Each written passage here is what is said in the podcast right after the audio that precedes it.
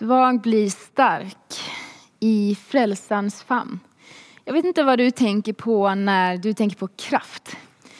Jag tänker lite på, för ett par veckor sedan på ungdomssamlingen med Unite så bröt hänget ut i någon slags eh, spontant kaos av kraftmätningar och partytricks och partymoves. Det var mänskliga vikter och det var knasiga moves som avlöste varandra och det var riktigt kul.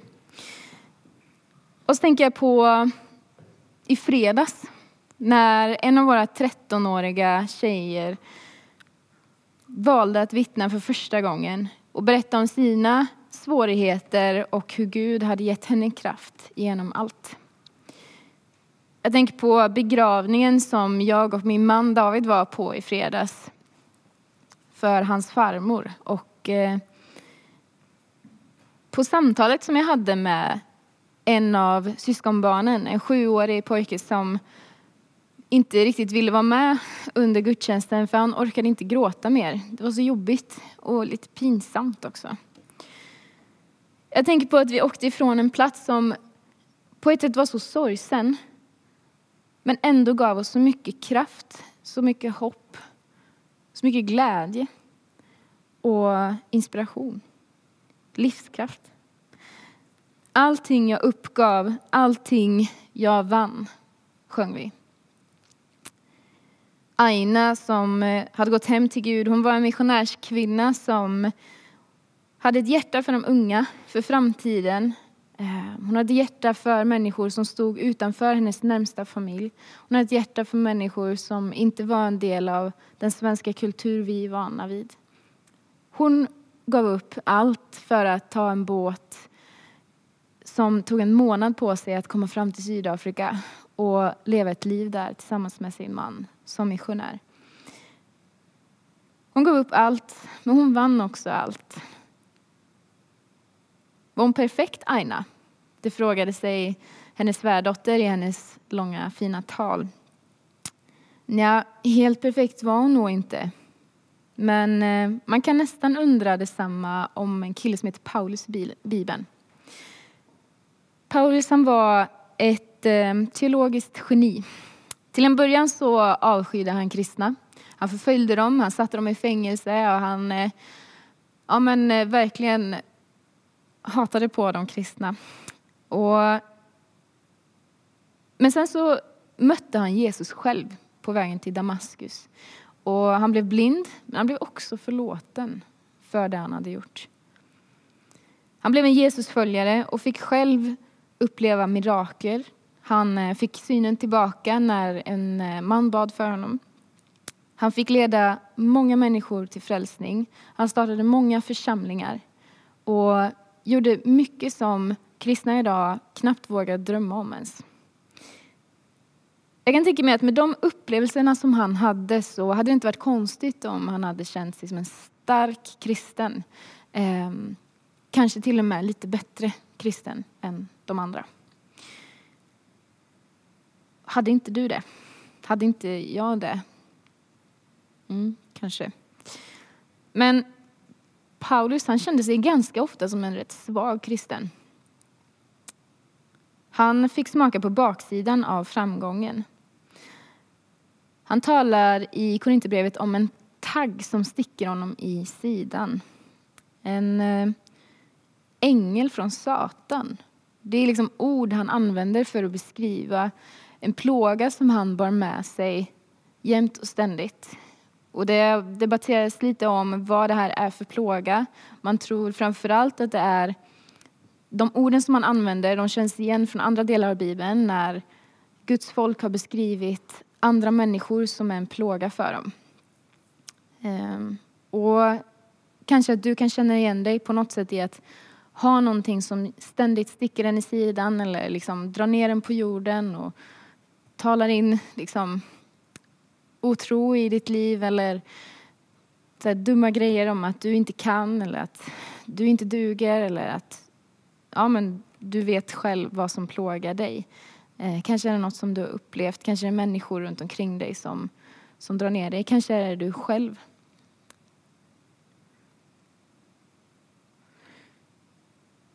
Paulus han berättar för de kristna i Korint att han har bett Gud tre gånger om att bli av med den här plågan. Och sen så berättar han om vad Gud svarar på hans bön. Och följ med mig till andra Korinthierbrevet 12 och 14. 12 och 8 till 10.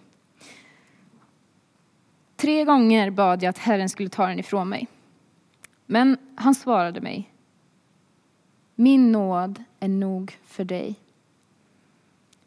Ty kraften, den fullkomnas i svaghet. Och så fortsätter Paulus. Därför vill jag hellre berömma mig av min svaghet, för att Kristi kraft ska vila över mig. Så glädjer jag mig över svaghet, misshandel och nöd, över förföljelser och över, och över ångest, eftersom det sker för Kristus. Ty när jag är svag, då är jag stark. Min nåd är nog för dig. Människan har i tusentals år svikit, trotsat, klagat, beskyllt, lämnat, ignorerat och aktivt motarbetat Gud. Man har förstört hans skapelse, man har smutsat ner hans rykte. Man har tillbett andra gudar, man har behandlat varandra illa. Man har glömt Guds godhet, levt i oförlåtelse, tagit, tagit åt sig äran som för gåvor som jag har fått. Um, och så vidare och så vidare. Men ändå har Gud fortsatt att ge kraft till vanliga människor, svaga människor som du och jag. Och då kan man fråga sig så här, är Gud svag? En fråga som kanske många ställer sig i coronatider. För man kan nästan undra, är inte det en svag Gud som bara står ut med allt det här och liksom inte ser ifrån någon gång? Och det gör han. Men är det någonting som andra religioner har svårt med kristendom så är det just att Gud kan framstå som en svag Gud. Att han skulle vara sårbar. Och jo, Jesus är sårbar. Gud själv på jorden, Jesus. För Jesus han var flykting, han var hemlös, han var hatad, han var hånad, han var beskylld. Han var sviken av sina närmsta vänner. Skaparen av universum kunde inte ens i slutet på sin liksom, dödsvandring få stöd av sina närmsta vänner. Och det är nästan en tröst för varje förälder kan jag tänka mig, men också för varje ledare. Alla som på något sätt försöker göra gott för andra. Och kanske inte får den här belöningen av att se en förändring. Ändå har han fortsatt att använda, ge, använda och ge kraft till människor som dig och mig. Det är nåd. Skaparens universum visar sårbarhet. Han var så svag att han dog till och med. Gud, naken och sårbar. Han har till och med varit en bebis. Och vad är mindre sårbart, mer sårbart än en bebis, en naken bebis? En bebis har inga pansar, inga pengar, inga romanser, ingen kunskap som annars vi brukar säga är makt.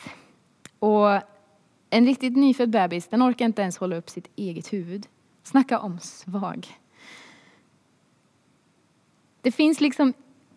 Men samtidigt och ändå så finns det inget i den här världen som liksom, i det här gullefejset, de runda kinderna, eh, den lena huden.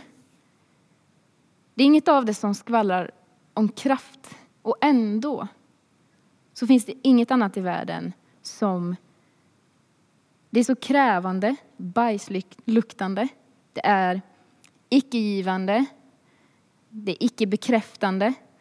Och ändå så får det oss att investera pengar, tid, energi på att få den här bebisen att fortsätta leva och få kärlek.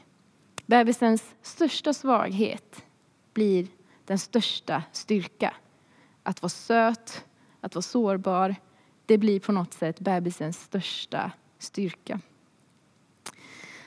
Och kanske att man kan säga att Guds största svaghet, kärleken till människan som driver honom ända in i en korsdöd, kan vara hans största styrka.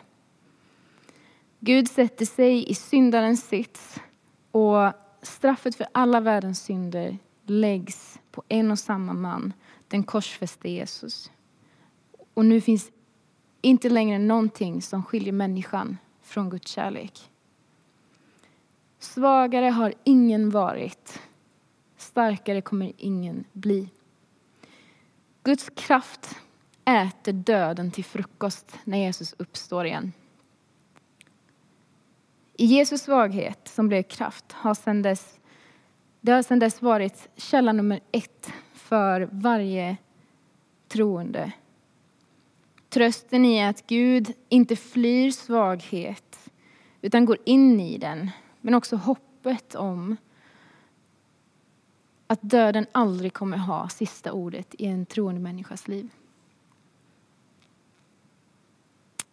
Corona kommer inte ha sista ordet, konkurs kommer inte ha sista ordet, övergrepp kommer inte ha sista ordet. Det är Jesus som kommer ha sista ordet i det här livet.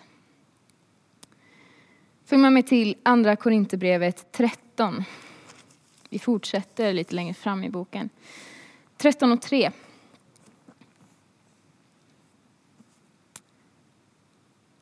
Ni vill ju ha ett bevis på att Kristus talar genom mig. Han är inte svag gentemot er, utan han är mäktig bland er. Han korsfästes visserligen på grund av svaghet, men han lever genom Guds kraft. Så är vi också svaga i honom. Men ni ska få leva tillsammans med honom i Guds kraft som ni ska få känna.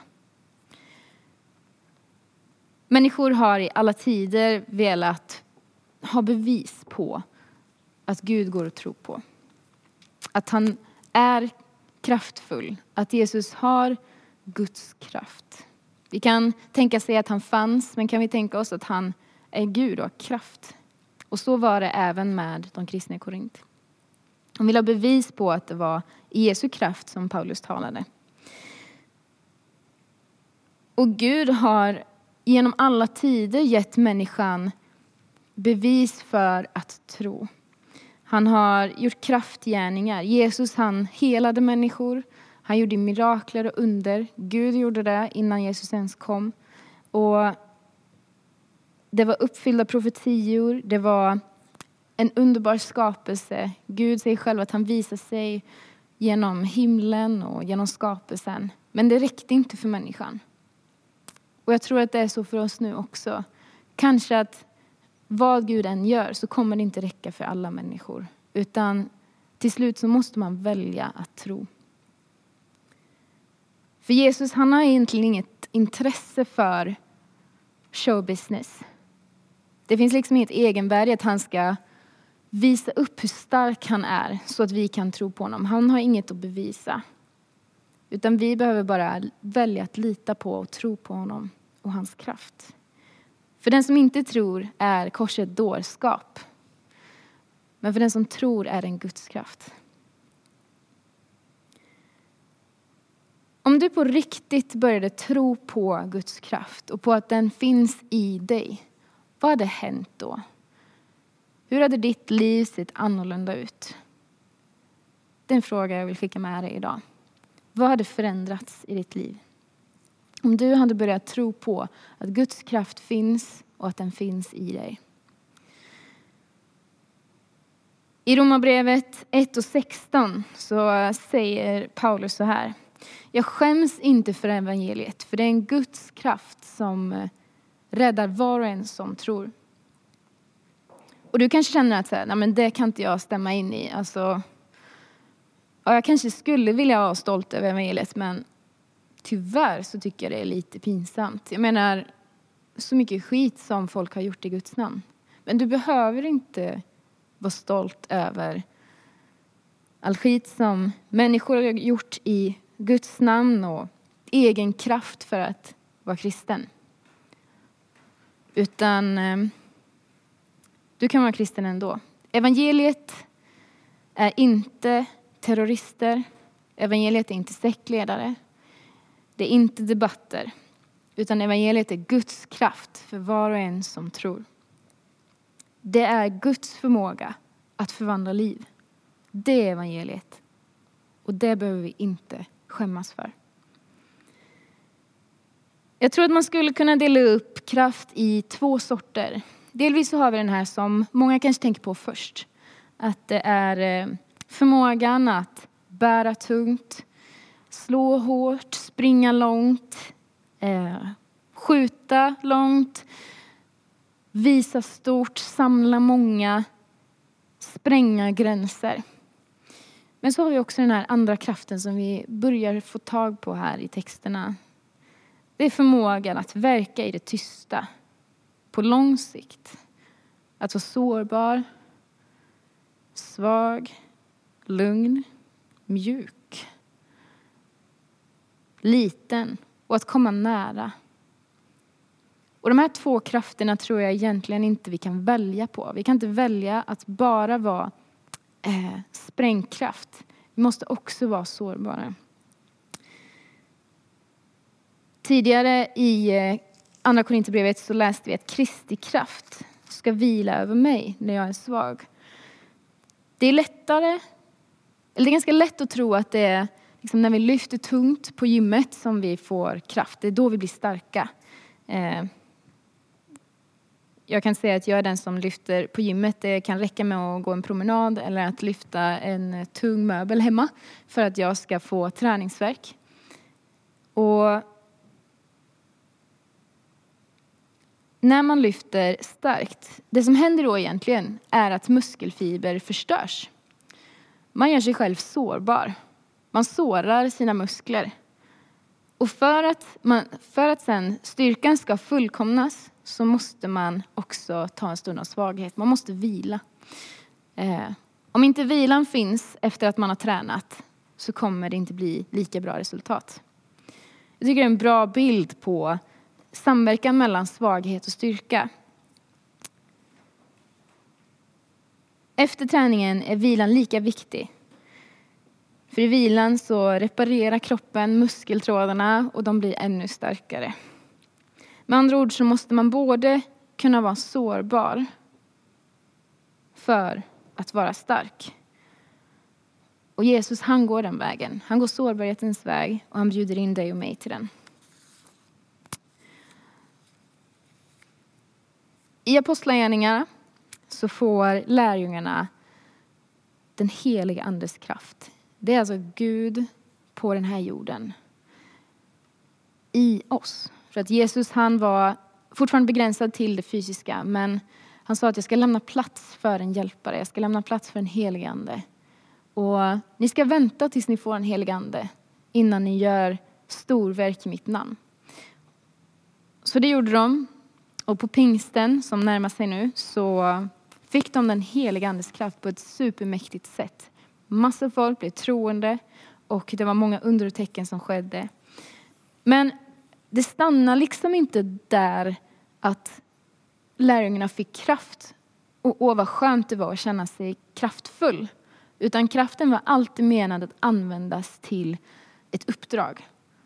Lärjungarna fick kraft, men de fick kraft för att kunna fullfölja ett uppdrag. Att gå ut i hela världen och berätta om evangeliet. Om en Gud som lider för våran skull. Det är vårt uppdrag också. Och eh, skulle vilja uppmuntra dig som kan känna att så här, men jag vill ha kraft, men fundera också på vad är det Gud kallar dig till så att du kan använda den kraften. Min nåd är allt du behöver, säger Gud.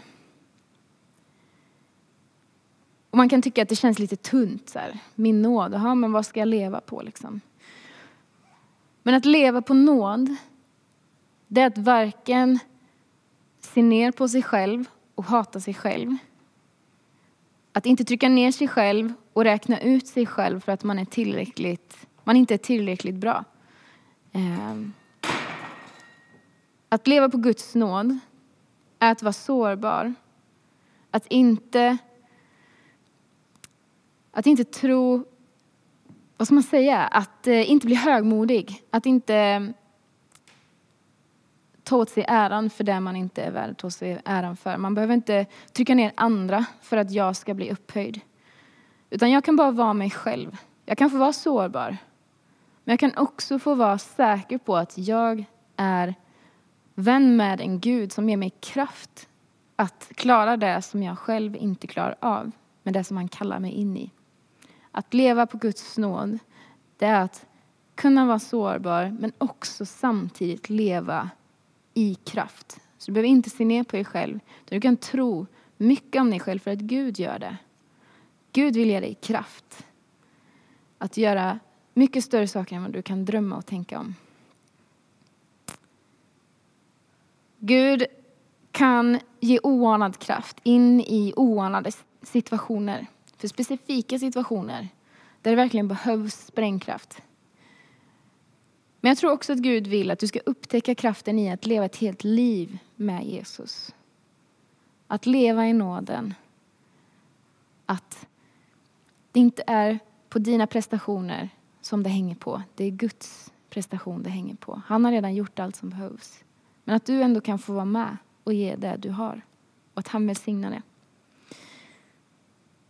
Och slutligen så vill jag bara dela med mig av några tankar som jag tror Gud la på mitt hjärta. Några hälsningar som han har till några av er som sitter där ute. Jag tänker inför bönen här nu att jag vill be för dig som vill ta ett beslut att tro på Jesus som din Herre i ditt liv. Att bjuda in honom i ditt hjärta. Att bjuda in kraften, att bjuda in livet i ditt hjärta. Gud ser dig och välsignar dig där du är. Och jag bara uppmuntrar dig till att be en bön där du är och bjuda in Jesus i ditt liv.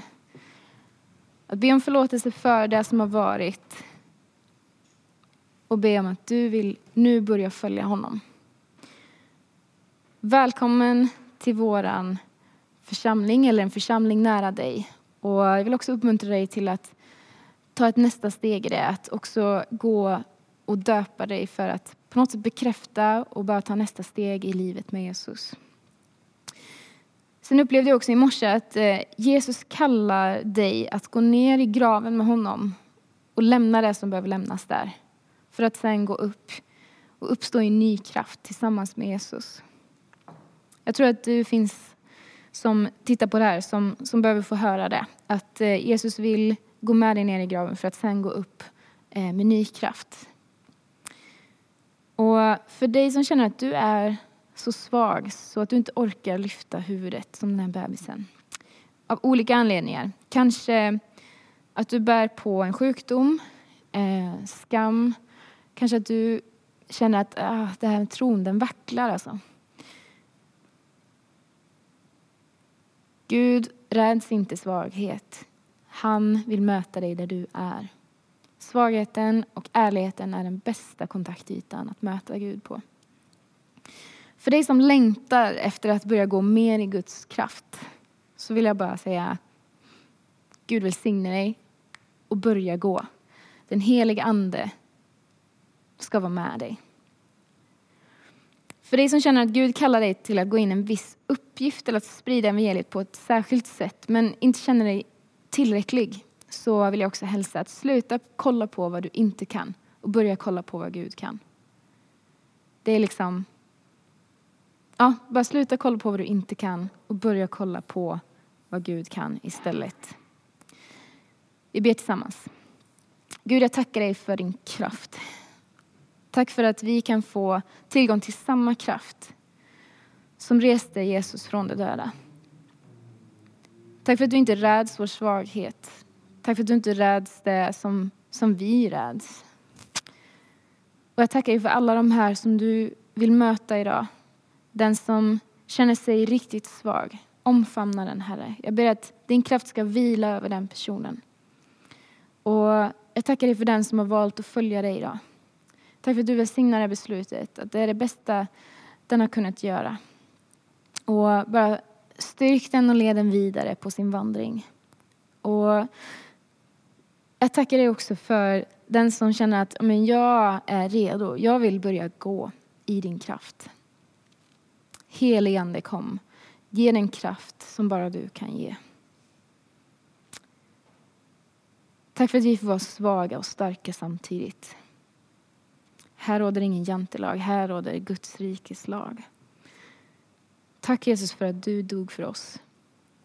Att du valde att gå sårbarhetens väg för att vi skulle få kraft. Tack för syndernas förlåtelse och att vi nu kan få gå fria. All ära tillhör dig. Amen.